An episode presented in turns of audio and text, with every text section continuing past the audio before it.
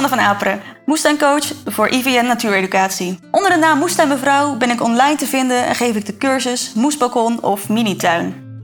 In deze podcast ga ik jullie alles vertellen over het starten van zo'n moesbalkon.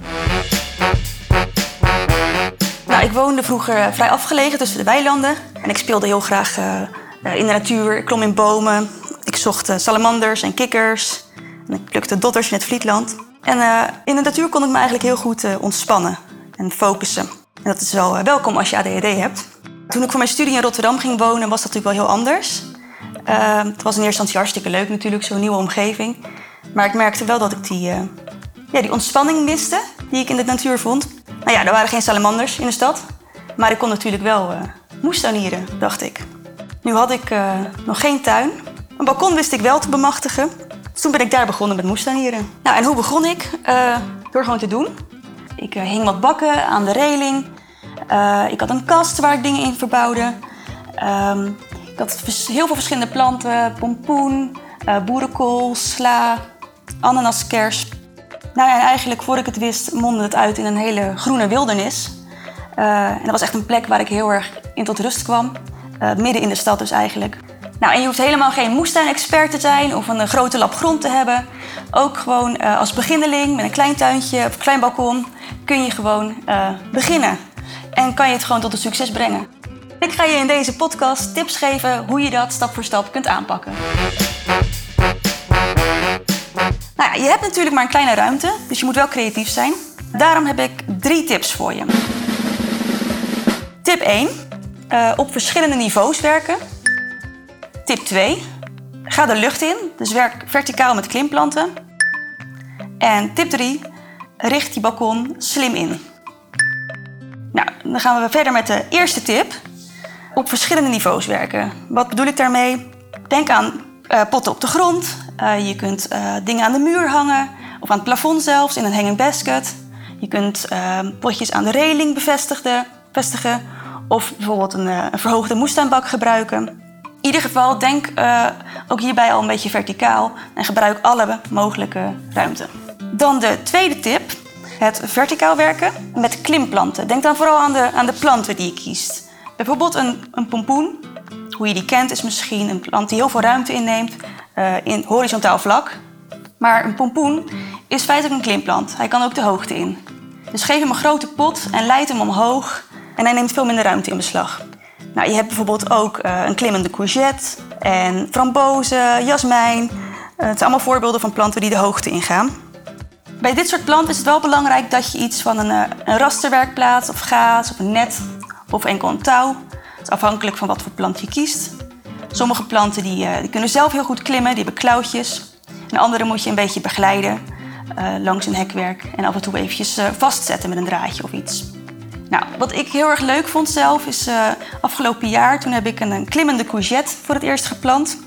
En die heb ik de hoogte ingeleid om hem vervolgens langs een draad boven het raam langs te leiden. Het zag er super leuk uit, ook van binnenuit zag je gewoon al die, al die courgettes voor het raam hangen. Nou, en op die manier benut je de ruimte gewoon perfect.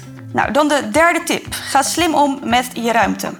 Planten die niet tegelijkertijd opkomen kun je in één bak zetten.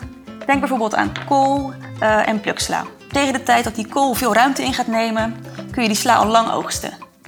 Oké, nou ik hoop dat je nu wat meer mogelijkheden ziet uh, om toch van jouw balkon een moesbalkon te maken. Hoe ga je nu verder? Nou, allereerst bedenk eens, uh, wat, wat eet je graag? Het is natuurlijk heel zonde als je heel lang uh, bezig bent met iets en je hebt dan oogst en vervolgens vind je het toch niet zo lekker. ik had dat met de rode kool. Ik vind rode kool niet vies, maar lekker is ook weer, ja, ook weer een groot woord. Die rode kool heeft de hele zomer een, een bak in beslag genomen. Nou, uiteindelijk kon ik hem oogsten.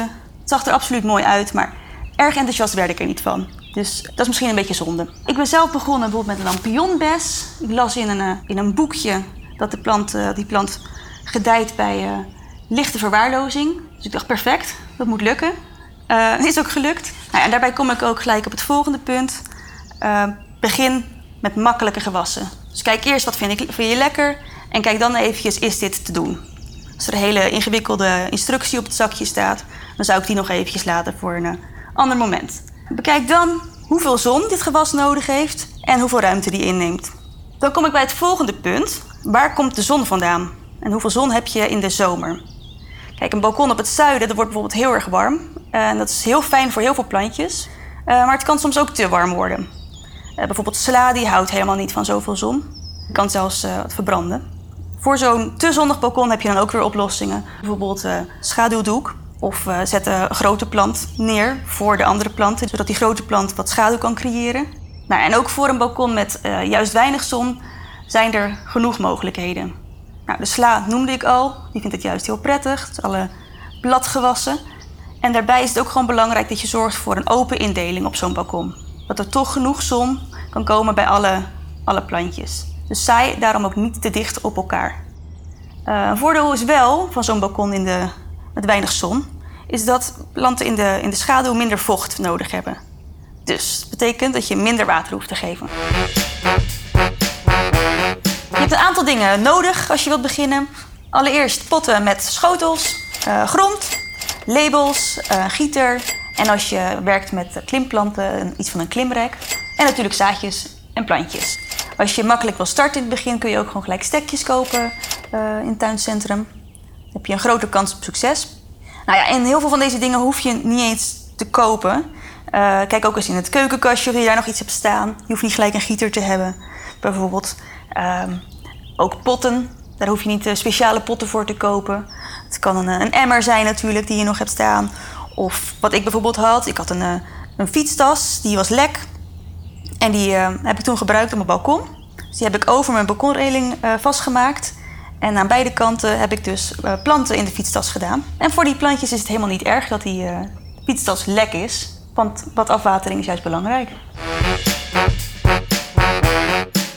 Oké, samengevat. We hebben het gehad over het creatief omgaan met ruimte, de soorten gewassen waar je aan kunt denken en hoe te beginnen. Nou, er zijn nog een aantal dingen die ik je nu wil vertellen.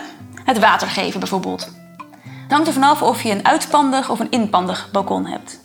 Bij een uitpandig balkon uh, hoef je minder water te geven, want er valt regen op je balkon. Ook het soort pot is belangrijk om over na te denken. Je kunt uh, denken aan een terracotta pot of van hout of kunststof. En er zijn voor- en nadelen aan de verschillende potten. Een uh, kunststofpot die houdt heel veel water vast. Erg belangrijk voor planten die veel water nodig hebben. En ook handig voor een balkon dat inpandig is. En een terracotta pot die laat bijvoorbeeld veel vocht ook wel door. Dat is meer geschikt voor een uh, gewas dat ja, meer in de warmere streken groeit, zoals rozemarijn. Die hoeven ook helemaal niet zoveel vocht.